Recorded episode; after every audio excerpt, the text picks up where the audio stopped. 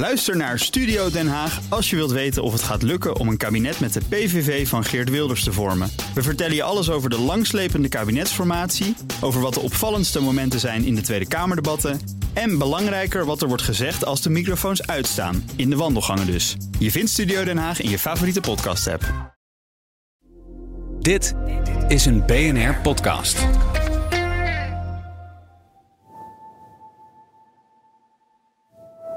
Migratie is een moeilijk vraagstuk. Een persoonlijk vraagstuk. En een emotioneel vraagstuk. Met rubberen bootjes de Middellandse Zee over om uiteindelijk in een kamp te belanden op een Grieks of Italiaans eiland. Dat wil eigenlijk niemand op die manier. Maar het is wel de route die veel vluchtelingen vanuit het Midden-Oosten en Afrika afleggen. En het zorgt ervoor dat in de hele Europese Unie er een grote discussie over ontstaat. Dan kijken we niet naar het individu, maar dan kijken we naar hoe wij het ervaren. Denk aan het overvolle Ter Apel, waar op het dieptepunt zelfs mensen buiten moesten slapen. En de kiezer die laat dus blijken bij diverse verkiezingen in Europa dat migratie als een groot probleem wordt gezien, waar dus geen controle over is. En met de Europese verkiezingen in aantocht zal dat thema ook hier een heet hangijzer vormen en blijven. De oplossing voor het migratievraagstuk ligt wellicht in Brussel. Maar hoe ga je dat doen met 27 verschillende lidstaten die ook allemaal hun eigen afwegingen maken en hun eigen belangen hebben? Ik praat erover met Malik Asmani, hoofd van de VVD-delegatie in het Europees Parlement, lijsttrekker bij de aankomende verkiezingen en ook eerste vicefractievoorzitter van Renew Europe, de club van Europese liberalen.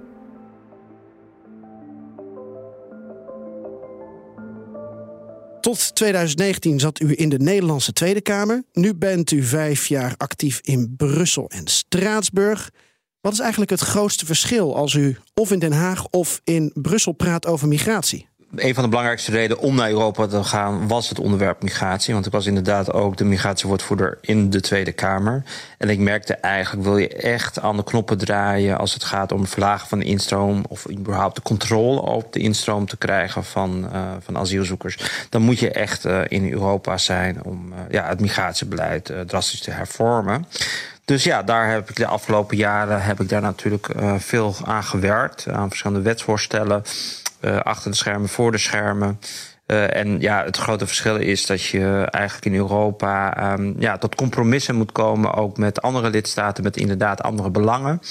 Uh, om uiteindelijk te komen tot een, uh, ja, aan, aan, een groot pakket aan wetgeving om ervoor te zorgen dat we weer controle krijgen op, uh, op onze migratie. Natuurlijk is het een vraagstuk wat ook altijd, en dat is ook in Nederland zo, met enige emotie wordt beleefd. En dat, ja, dat zie je eigenlijk ook wel weer terug in het, in het Europese parlement, waar ik de onderhandelingen hebben gedaan. en de positie die daar worden ingenomen. Dus het is een moeilijk vraagstuk. Uh, maar uh, ja, het is uh, ons tot nu wel gelukt om met een heel fundamenteel hervormingspakket te komen, waardoor we weer grip krijgen op migratie. Was u in Den Haag ook meer bezig met emotie en retoriek en in Brussel meer met inhoud, of is dat de zwart-wit? Nee, dat is zwart-wit. Want ik heb juist zelf in uh, voorstellen gedaan die uh, destijds wel controversieel werden ontvangen, ook met emotie werden ontvangen door de Kamer. Uh, dat was het voorstel van in maart 2015, waar ik heel erg duidelijk heb aangegeven dat ik vind dat er afspraken moeten worden gemaakt met veilige landen buiten de Europese Unie. Om ervoor te zorgen dat die, ja, die illegale toestroom van migratie, die druk op die buitengrens van de Unie wordt verlicht. dat mensen daar worden opgevangen en dat je eigenlijk alleen nog maar vanuit legale wegen, zeg maar, uh, mensen uh, tot je neemt. Uh, zodat voorkom je ook die menselijke drama's op die Middellandse Zee. Nou, daar is uh, uiteindelijk ook wel de Turkije-deal uit voortgevloeid. Uh, en vervolgens uh, ja, zijn we op dit moment nog steeds bezig met afspraken. Tunesië, Egypte, waar de commissie nu druk mee bezig. Maar in combinatie eigenlijk met een hervorming ook eigenlijk van het migratie. Dat je echt aan die buitengrens van de Europese Unie, als mensen dan nog aan die buitengrens van de Unie komen, dat je daar de selectie doet van wat kansrijk is, wat in aanmerking zou kunnen komen voor een vluchtelingenstatus. En zij die vanwege economische redenen helemaal geen kans maken. En dat je hem daar dan zeg maar ook ophoudt. Uh, dus dat betekent dat je hen daar ook in detentie zet en vervolgens ook uitzet. In plaats van wat je nu uh, nog steeds ziet, dat mensen natuurlijk doorreizen door landen, zuidelijke landen heen, als Italië, uh, richting Oostenrijk, Duitsland, Frankrijk, Nederland. en vervolgens ja, eigenlijk in het westelijke deel van Europa terechtkomen. terwijl je al bijvoorbeeld weet dat deze mensen niet in aanmerking komen voor asiel. Ik hoor graag zo van u hoe u kijkt naar eh, het migratiepact dat eh, vlak voor de kerst is gesloten. En dat voor mijn gevoel best onzichtbaar is geweest in Nederland en in het Nederlandse debat over migratie. Maar eerst kunt u ehm, ons eens meenemen in uw agenda. Want ook nu heeft u een stemming gehad. Waar bent u zoal mee bezig op dit moment? Ja, ik ben uh, nou ja, met dit hele pakket aan, aan, migratie ben ik natuurlijk heel druk bezig geweest. daarnaast zitten nog wat andere voorstellen, zoals Um, uh, hoe om te gaan ook met de binnengrenzen van de Europese Unie. In principe hebben we vrij verkeer natuurlijk. Er is een grote verworvenheid van de Europese Unie, van personendiensten, et cetera. Uh, alleen, uh, nou ja, we zien natuurlijk ook dat we grenscontroles doen aan de binnengrenzen. Zeker hebben we dat gezien met de COVID-crisis, maar ook vervolgens natuurlijk ook wel vanuit veiligheidsdreigingen, et cetera. Dus ik ben met nieuwe voorstellen aan de slag gegaan om er ook voor te zorgen dat het bijvoorbeeld makkelijker wordt voor Nederland als je iemand zonder verblijfspapieren van Duitsland uh, richting Nederland over de grens komt. Uh, of over de Belgische grens komen, dat je hen staande kan houden en vervolgens ook feitelijk meteen kan overdragen aan de Belgische autoriteiten of aan de Duitse autoriteiten. Uh, dat is nu best wel ingewikkeld, want dat betekent als iemand aan asiel roept, dan moet je iemand die procedure opnemen.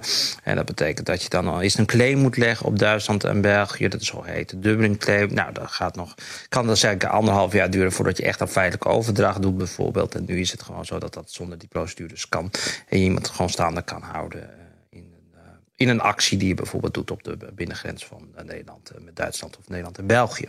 Dus dat zijn ook onderwerpen waar ik me mee bezig hou om het ook de, facto wat makkelijker te krijgen, zodat Nederland ja, minder uh, migratie binnenkomt die, die geen kansen maken of die ook eigenlijk niet in Nederland thuis horen. Verder hou ik me ook met andere dossiers bezig, ook met geopolitiek, buitenland, beleid. Uh, want dit is natuurlijk, migratie is ook een onderdeel eigenlijk van een destabilisatiepolitiek van uh, andere delen van de wereld. Die willen ook dat Europa destabiliseert op migratie. Dus gebruik migratie ook als een instrument. Dus ik hou me ook vooral met buitenlandbeleid op uh, die aspecten bezig. Naast veiligheidsvraagstukken die ik ook uh, hier doe. Zo ben ik bijvoorbeeld ook hoofdrapporteur geweest. Dus hoofdonderhandeling namens het hele Europese parlement als het gaat om de zogeheten Joint Investigations Teams. En dat zijn onderzoeksteams voor grote, zware, grensoverschrijdende criminaliteit. Maar we kennen die hits ook van de MH17 bijvoorbeeld. Of uh, voor uh, nou ja, de daden die de Russen nu op dit moment plegen in Oekraïne, ook tegen de mensheid. Ook daar zitten onderzoeksteams in om al zaken klaar te krijgen voor uh, bijvoorbeeld voor het internationale strafhof. Dus daar hou ik me ook mee bezig. Migratie en asiel, het is breed. Uh, het gaat over uh, geopolitiek, het gaat over uh, terrorisme soms, het gaat over grenzen, het gaat over arbeidsmigratie. Eigenlijk komt alles in, in dit enorme dossier samen. Ja, klopt. Het is een veel breder geheel wat mensen in instantie misschien er niet bij bedenken, zeg maar. Dus het is een veel breder geheel dan, dan, dan alleen maar SEC dat er iemand uh, binnenkomt uh, die mogelijk uh, nou, aan de slag wil, economisch. Of er daadwerkelijk iemand is die, die vluchteling is. Het is je ziet ook dat migratiestromen op gang worden gebracht door autocratische landen om eigenlijk Europa daarmee te destabiliseren. Juist omdat er altijd verdeeldheid was in Europa ook om te gaan uh, met uh, migratie. Nou, dit pact uh, waar ik mee aan de slag ben geweest, zorgt ook voor dat we als Europa meer gezamenlijk verantwoordelijkheid voelen voor die migratie. En dat niet bijvoorbeeld alleen maar zuidelijke lidstaten als een land als Italië er alleen voor staat. En ik denk dat dat het belangrijkste is wat ook dit pact bijvoorbeeld biedt. Los van het feit dat het ook ervoor zorgt dat de instroom naar hoge verwachtingen omlaag gaat. En dat je echt die selectie ook doet aan de buitengrens. Het klinkt vrij, uh, vrij historisch hoe uh, jullie tot een overeenstemming uh, zijn gekomen wat betreft dit asiel- en migratiepact. Een interview in het Financiële Dagblad met Eurocommissaris voor Binnenlandse Zaken Johansson geeft een aardig inkijkje. Want daarin staat ook toen dat pact aan de vooravond van, van kerst afgelopen december werd gesloten. Toen is becijferd dat men 55 keer bijeen is gekomen. Dan hebben we het over vertegenwoordigers van de commissie, van de EU-landen, van het parlement. Uh, zij geeft ook aan, toen zij begon als eurocommissaris... was ze eerst lang bezig met het verkrijgen van vertrouwen... tussen lidstaten onderling. Waarom is het zo ingewikkeld? Ja, omdat het toch ja, mensen uh, ja, de verschillende manier van uh, kijken hebben. Er spelen verschillende belangen, ook politieke belangen. Uh, dus de pluriformiteit, zeker in Europese politiek, is natuurlijk groot. Dus even kijken naar het Nederlandse parlement. Hebben we natuurlijk al een tig aan partijen die, die daar standpunten over hebben, die divers kunnen zijn. en in Europa werkt het dan ook nog op, op landniveau. Dus in combinatie met verschillende politieke partijen en 27 andere landen die ook nog wat andere belangen kunnen hebben, is het gewoon complexer. Uh, maar dat betekent niet dat je meteen aan het werk gaat. Dus ik ben zelf ook toen ik hier uh, begon in 2019. Uh, in de ja, meest centrische groep die we hebben in Europa, de Renew Europe, dat is eigenlijk de groep van liberalen en democraten, ben ik meteen aan de slag gegaan. Uh, samen met een Duitse collega om een, nou, om een visiepaper neer te leggen. Uh, als het gaat van hoe ziet die toekomstige uh, migratiebeleid eruit? Wat zou er moeten gebeuren om te hervormen? En het was een unicum dat een politieke groep uh, voor het eerst uh, unaniem ingestemd waren. En we hadden een fractie van toen 108. Uh, die instemde met uh, ja, eigenlijk mijn visiepaper samen die ik schreef met, uh, met, met mijn Duitse collega over hoe om te gaan met migratie. En daar zit natuurlijk heel erg de elementen in van die ik als Kamerlid ook al aangaf. Dat je moet beginnen bij landen van oorsprong en bij doorreislanden waar mensen van buiten komen, zeg maar. daar moet je afspraken over maken, hoe daarmee om te gaan, mensen daar op te vangen. Uh, in, in, plaats van richting Europa. En als je dan in Europa natuurlijk een verantwoordelijkheid ook voelt voor vluchtelingen wereldwijd, dan, dan doe je dat via een legale weg. En wat doe je dan aan die buitengrens op het moment dat mensen dan toch komen aan de buitengrens van de Unie? Nou, dan ga je daar filteren in plaats van dat je uh, tot nu toe mensen gewoon doorlaat. En zij reizen dan vooral veel af naar Duitsland, Nederland, Zweden. Dus ja. Dat, dat is dan een soort visiepaper die je neerlegt om bijvoorbeeld zo'n centrische groep in het parlement uh, aan elkaar te verbinden. Van de centrum links tot aan centrum rechts. En dan merk je dus uiteindelijk ook dat zo'n plan wordt uh, overgenomen door de commissie. Dus heel veel van die elementen zie je terug in die commissievoorstellen. die uh, Johansen ook heeft gedaan. Een half jaar na die presentatie van, van dit voorstel. We hebben het zelf ook voorgesteld aan Ilva Johansen. en, nou ja, en dan zie je dat weer terug in deze, deze voorstellen. Zij heeft haar rondes inderdaad gemaakt ook naar de lidstaten. Om daar de ideeën op te doen. En dan kom je tot een, uh, tot een, tot een serie wetten uh, die ervoor zorgt dat het een aantal belangen dient. En het belangrijkste is element waarom het gewoon tien jaar niet gelukt is, is dat in het kader van solidariteit, hè, van hoe ga je om met bijvoorbeeld een hoge druk aan migranten aan die buitengrens van de Europese Unie, word je dan verplicht om mensen dan op te nemen. Nou, daar zit dan flexibiliteit in, zeker voor landen, regeringen die niet ja, die, die eigenlijk niet gebonden willen voelen aan het uh, opnemen van, uh, van, uh, van vluchtelingen of asielzoekers. Dus daar zit wat meer vorm van flexibiliteit in. En dat heeft enorm geholpen, zeg maar, om dit uiteindelijk ook op lidstaatniveau tot besluitvorming te laten komen. En ook hier wel in het Europese parlement. Um, dus ja, en, en, dan zie je ook dat dat. ja, is zo hoog noodzakelijk dat, dat dat fundamenteel hervormd wordt om ja, kijken naar de problemen in Nederland. Uh, ja, liever uh, gisteren dan vandaag, zou ik zeggen. Maar ja, uiteindelijk is het uh, gelukt. we moeten nog één keer plenair stemmen. Dus dat hoop ik komende maand te doen. dat heeft alles te maken met vertalingen van al die wetgevingspakketten die moeten plaatsvinden. want het moet allemaal in eigen taal van de 27 lidstaten worden geschreven. Maar ja, dit is echt wel een hele grote hervorming. En ja, eigenlijk wel een hele grote resultaat van, een Euro, van Europa. Dat werkt uiteindelijk ook op, eh, op migratie, op dat moeilijke onderwerp. En dan zou ik zeggen, uh, publicitair gezien, uh, vol op het orgel. Want vanuit allerlei lidstaten uh, hoor je leiders of potentiële leiders, waar ik dan ook even Geert Wilders onderschaar, hoor je zeggen: ja, uh, Brussel doet niks, er gebeurt maar niks, uh, men zit naar elkaar te staren. Terwijl hier dus een pakket ligt waar negen jaar lang over is uh, gediscussieerd. Uh, langer eigenlijk, maar goed, ik pak even negen jaar eruit. Waar uh, is gewerkt aan vertrouwen onderling. Dan zou ik zeggen, de vlag uit en laten zien dat Brussel wel wat voor elkaar bokst. bokst. Ja, nou dat, dat proberen we ook te doen. Uh, nou ja, vandaar ook dank ook voor het feit dat jullie dit onderwerp ook in jullie uitzending uh, naar voren brengen. Het is niet altijd even makkelijk, omdat ja, Brussel, Europa toch voor uh, veel uh, mensen nog wel op afstand staat. Ik snap ook echt heel erg goed dat mensen denken, ook in ons eigen land, in Nederland, van ja, we moeten het eerst zien, dan, dan geloven we het ook. Dus ik begrijp dat heel goed. Maar ja, u mag van mij aan, aannemen dat ik natuurlijk wel ontzettend blij ben dat het werk wat ik tot nu toe hier heb gedaan, niet voor niets is geweest. want dat had ook best gekund. Dus in het vorige toen ik nog in de Tweede Kamer zat, is het niet gelukt in Europa om tot hervorming te komen van het migratiebeleid. En het is nu wel gelukt. En ik ben in ieder geval blij dat ik daar nou ja, aan heb mogen bijdragen. Dat is ook een van de grote redenen geweest waarom ik naar Europa ben gegaan. Om ervoor te zorgen om eh, mensen ja, op één lijn te krijgen. Uh, en dat we inderdaad fundamenteel hervormen. Omdat inderdaad wij gebaat zijn als Europa om controle te krijgen op de migratie. En dat we niet worden uitgespeeld door andere delen van de wereld. Uh, maar dat mensen ook het gevoel hebben dat uh, inderdaad de overheden, maar ook de Nederlandse overheid, in controle is als het gaat uh, om, om migratie. Dat is het belangrijkste. Wij spraken tijdens onze reis door Italië, wat onze correspondent Anouk Bonen heeft gedaan, ook de burgemeester van Palermo. En die had eigenlijk nog een, een uitspraak die ik aan u wil voorleggen, namelijk dat, dat je migratie ook niet als een een fenomeen in Nederlandse termen kan interpreteren. Um, want dan, dan is het misschien heel gechargeerd. Ja, we willen geen migratie, dus grenzen dicht. Misschien kan je dat ook zeggen voor Italië of voor Frankrijk. Nou, in Italië wordt natuurlijk meer gehamerd op die solidariteit. Uh, is migratie ook gewoon een Europees fenomeen en moeten we dat Europees gezien aanvliegen en accepteren?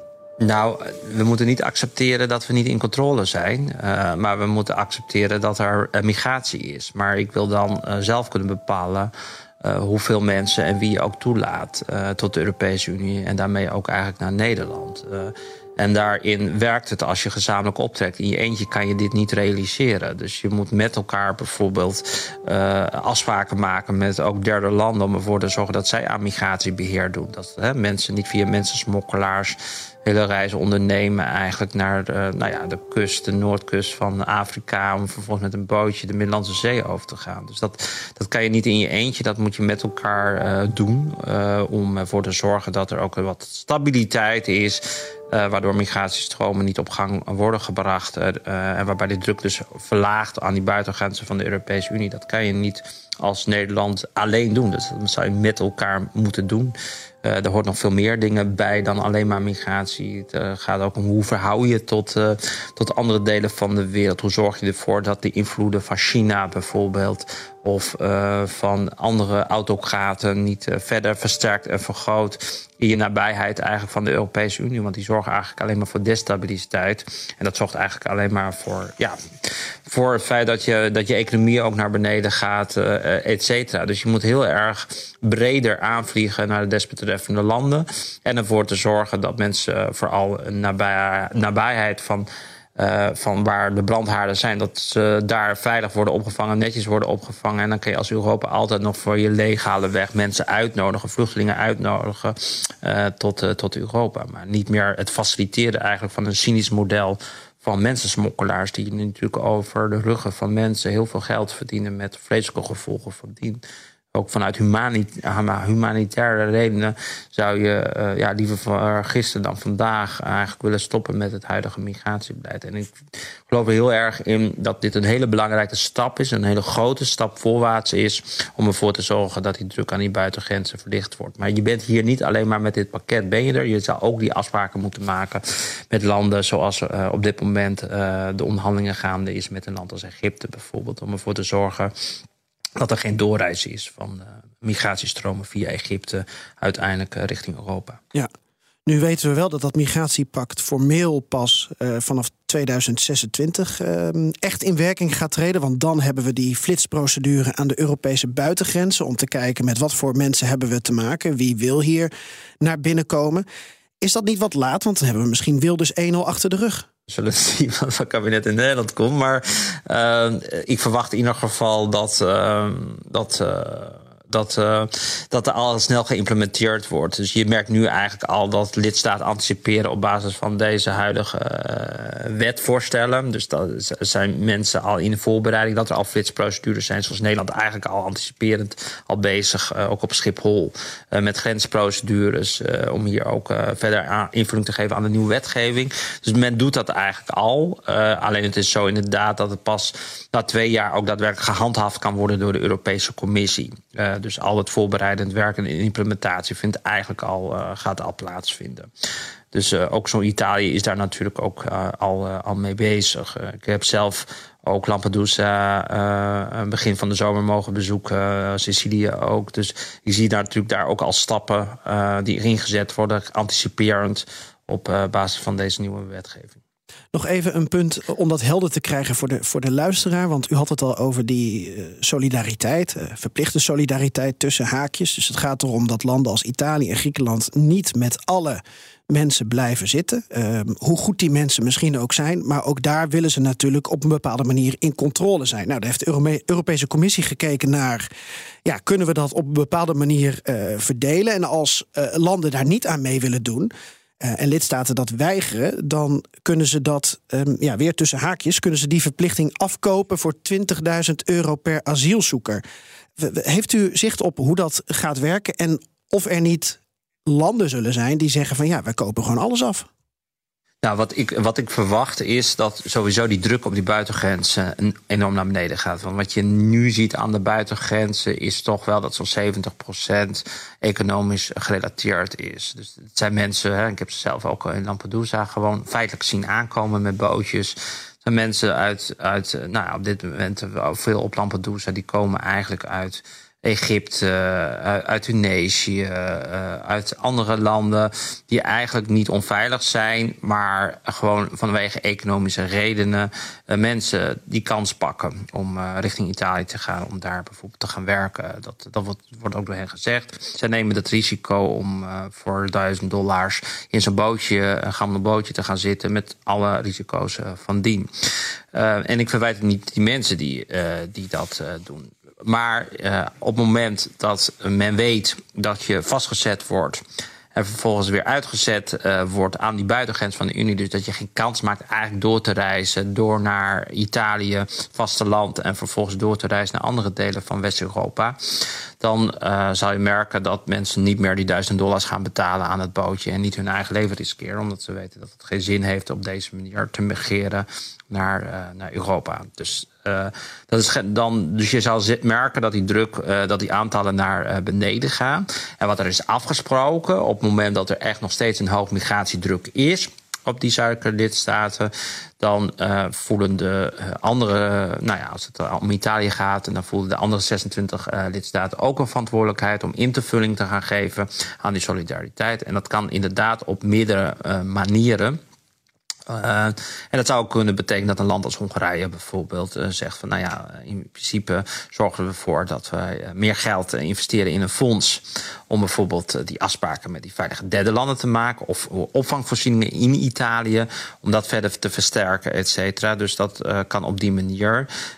ja, nu is het zo dat de meeste mensen naar een drie, vier, vijftal landen in West-Europa vooral doormigreren. Nu ben je dan met alle andere uh, eh, 27 totaal uh, verantwoordelijk ervoor. Uh, dus dat zal dan uiteindelijk ja, voor Nederland natuurlijk veel, veel meer belang ophechten dat je dat op deze manier inregelt, dat het solidair is, dat ook de andere lidstaten aan de lat zijn. en dan kan een land als Hongarije bijvoorbeeld, gelet op de politieke samenstellingen, voor kiezen om wat meer ja, ervoor te kiezen, financieel zeg maar, die landen te ondersteunen. Dat zal een mogelijkheid uh, kunnen zijn. Dus daar zit die flexibiliteit ook in, waardoor ja, dit, deze hervorming uiteindelijk ook heeft uh, kunnen plaatsvinden.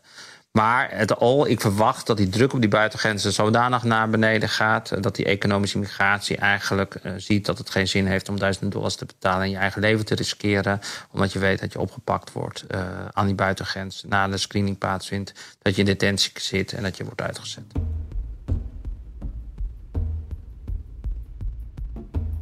We krijgen Europese verkiezingen. Hoe anders wordt uw verhaal dan uh, van de partijen aan de uh, rechtere flank, die uh, soms in wat extremere taal aangeven dat ze iets wel of niet willen? Ja, ik, ik, ik, ben iemand die graag naar oplossingen zoekt voor problemen en daar ook mee aan de slag gaat. Uh, en nou ja, tot nu toe ben ik daar ook aan de slag mee gegaan. En ik denk dat ik ook een resultaat kan laten zien. Uh, en ik snap echt wel dat mensen het gevoel hebben van ja, eerst zien dan geloven. Dat snap ik echt heel goed. Ik zeg ook, we zijn er nog niet helemaal hè, met alleen dit uh, pakket. Want dit zegt iets meer over de interne huishouding uh, van migratie. Dus we hebben daarnaast dus ook nodig gewoon afspraken met derde landen. Zoals de Tunesië deal, daar kan je alles van, van vinden. Maar diezelfde Ilva Johansen waar het u over had heeft hier ook aangegeven van als je oktober uh, uh, afgelopen jaar vergelijkt met het oktober het jaar daarvoor, dan is het 80, 90 procent minder uh, aankomsten vanuit Tunesië richting Italië. Met Egypte, dat, dat, dat spant er nu om. Daar komt nu ook afspraken. mevrouw van der Leyen, Ursula van der Leyen, is in Mauritanië geweest. ook richting Canarische eilanden zag je heel veel bootjes wegtrekken naar naar de Canarische eilanden vanaf Mauritanië. Ook daarin zijn nu afspraken gemaakt om te voorkomen dat die bootjes van het vasteland afgaan. En ik denk dat je dat nodig hebt om uiteindelijk ervoor te zorgen dat je een veel meer gereguleerde uh, migratiebeleid krijgt. Dus wij voelen ja altijd een verantwoordelijkheid, ook als Europa, als het gaat om vluchtelingen wereldwijd. Dat wil je via een legale weg doen. Dus je wil dan vluchtelingen uitnodigen, al dan niet tijdelijk om in Europa op te vangen. En als het om economische migratie gaat, dat is echt een andere soort migratie. Dat moet je niet willen vermengen. En daar kan je dan op een gegeven moment natuurlijk anders naar gaan kijken van ja, hoe je ook daar fundamentele hervormingen op hebt. Dat, uh, dat je mensen ook toelaat op basis van arbeidsmigratie. Uh, maar dan bepaal jij de aantallen wie, met welke kwalificaties uh, je mensen al dan niet tijdelijk op je arbeidsmarkt brengt. Nou ja, daar gaat het uiteindelijk om. Het gaat om grip op migratie, controle op de aantallen wie je toelaat. Het verschilt ook nog per lidstaat als het gaat om aantallen uh, uh, migratie wat men nodig heeft. Dat heeft dus voor Duitsland altijd in instantie altijd de reden geweest van, nou ja, we hebben veel mensen op de arbeidsmigratie, uh, arbeidsmarkt nodig, dus we hebben eigenlijk niet zo'n groot probleem met dat hele migratievraagstuk. En we schaffen das, de bekende, bekende woorden. Nou, het was duidelijk dat het we schaffen het niet. Dat dat eigenlijk de uitkomst was. Uh, want ja, in de end wil je gewoon controle hebben op het aantal en wie je toelaat. We hebben ook veel Oekraïners momenteel in de Europese Unie. Door de oorlog die Rusland in Oekraïne nog steeds voert. Uh, we hebben in Europa een tijdelijke uh, beschermingsrichtlijn voor vluchtelingen. Die is op dit moment verlengd tot en met 4 maart 2025. Betekent dat Oekraïners in Nederland, in Italië, waar dan ook, kunnen, kunnen wonen, kunnen werken. Uh, een leven tijdelijk in ieder geval kunnen, kunnen hebben en opbouwen. Wat, wat is uw verwachting um, van wat er gebeurt met uh, de honderdduizenden, eigenlijk miljoenen Oekraïners in, in Europa? En hoe zet u zich daar tijdens die verkiezingen voor in? Ja, nou, zien. Ik bedoel, als het gaat om Oekraïne, uh, dat is onze eigen regio. Dat is op Europa, Europees continent. En daar uh, woedt gewoon een grote oorlog. We zijn gewoon in een oorlog in Europa. Dus dat betekent dat je een verantwoordelijkheid uh, hebt als Europa om Oekraïnse vluchtelingen ook op te nemen. nou, in principe kon men ook vrij inreizen al. Dus dat is een type andere migratie dan eigenlijk uh, wat je bijvoorbeeld vanuit uh, uit Afrika zag. Uh, inderdaad, er is een tijdelijke beschermingsstatus, wat inderdaad nu verlengd is. maar ze konden eigenlijk al vrij reizen, visa-vrij reizen richting de Europese Unie. Ja, wat je, wat je daarin ziet is dat ja, mensen toch wel vanuit Oekraïne al wel snel op meedoen in de samenleving en op die arbeidsmarkt. Uh, maar ja, ik ken in principe de Oekraïnse bevolking ook. Ik heb ze zelfs, um, zijn uh, de partij van Zelensky is ook lid uh, van de Europese Liberale Partij. en het zijn ook mensen die uiteindelijk heel graag zo snel mogelijk hun land weer willen opbouwen. En nog steeds bezig zijn om een land te versterken om de, deze strijd ook te winnen. Dus ja, ik, ik, hier heb je een verantwoordelijkheid in, uh, ook als Europa op dit moment, om, uh, om die veilige haven te bieden. Maar ik maak me daar ook minder zorgen om als het gaat om bijvoorbeeld terugkeer van Oekraïners na verloop van tijd, wanneer de oorlog er, er, niet meer is. Maar dat is kristalbol kijken natuurlijk, hoe lang die oorlog ook duurt. maar ze hebben al onze steun en onze solidariteit daarin ook, in ook nodig. Dat is onze verantwoordelijkheid. Ja, en het lastige is, er wordt uh, zo nu en dan gesproken over, nou, West-Oekraïne is veilig, kunnen daar dan niet uh, mensen naar terug? Volgens mij zitten daar twee uh, problematische elementen aan. Eén, um, de definitie van, van wat is veilig. en in Nederland hebben we gewoon een, een kleurensysteem. Hè, en, dan, en dan kwalificeren we heel Oekraïne als, als code rood. Dus we maken daar geen onderscheid in. En twee, je hebt natuurlijk eh, te maken met, met uh, Oekraïners die naar Europa komen, maar die niet in alle Europese landen ook geregistreerd zijn. Dus dan kan iemand zeggen: Ja, ik kom uit Oost-Oekraïne. Nou, doe dan maar uh, je best om te bewijzen dat die uit West-Oekraïne komt en dat je die vrouw met kinderen gaat terugsturen. Dus daar zitten volgens mij ook heel veel haken en ogen aan wat we gaan doen als die tijdelijke beschermingsrichtlijn dan verdwijnt. Ja, daar zitten zeker haken en ogen aan. En het is ook een beetje langer termijn uh, uh, vraagstuk, uh, schat ik zo in. Het is wel zo, we zijn daar ook met de 27 landen voor verantwoordelijk. En niet alleen maar een paar landen zoals Nederland. Ik denk dat het overgrote deel van de Oekraïne op dit moment in Polen woonachtig zijn. Ehm, maar inderdaad, we moeten daarop toezien. En op het moment dat het land in oorlog is, hebben zij al onze steun en solidariteit nodig om deze strijd ook te winnen. Want die oorlog is niet alleen een oorlog uh, richting Oekraïne. Die oorlog is van een autocraat uh, die oorlog voert met een liberale vrije Westen. Daarmee ook met Europa op ons eigen continent. Daarom is het ook zo van belang, uh, want Rusland gebruikt migratie ook als destabilisatiepolitiek, als instrument. Ook bijvoorbeeld richting Finland, Finse grens, of via Wit-Rusland Wit heeft men het ook geprobeerd.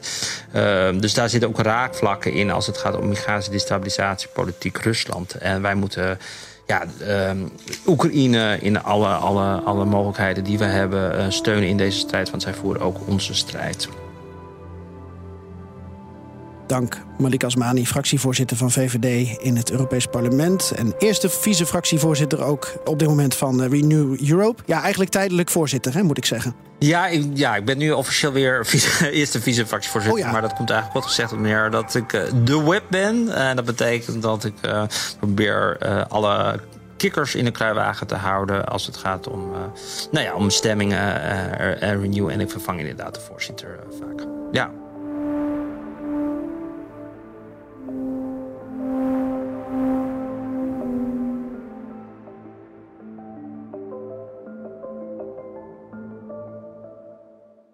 Vond je deze aflevering leuk? Abonneer je dan, als je dat nog niet hebt gedaan, en mis niets. Ook Diana Matroos vind je in de BNR-app. Ja, inderdaad. Je kunt live naar mij luisteren tijdens de Big Five. Ook handig in de BNR-app. Breaking nieuwsmeldingen, maar ook het allerlaatste zakelijke nieuws. En je vindt in de app alle BNR-podcasts, waaronder Wetenschap Vandaag. Download nu de gratis BNR-app en blijf scherp.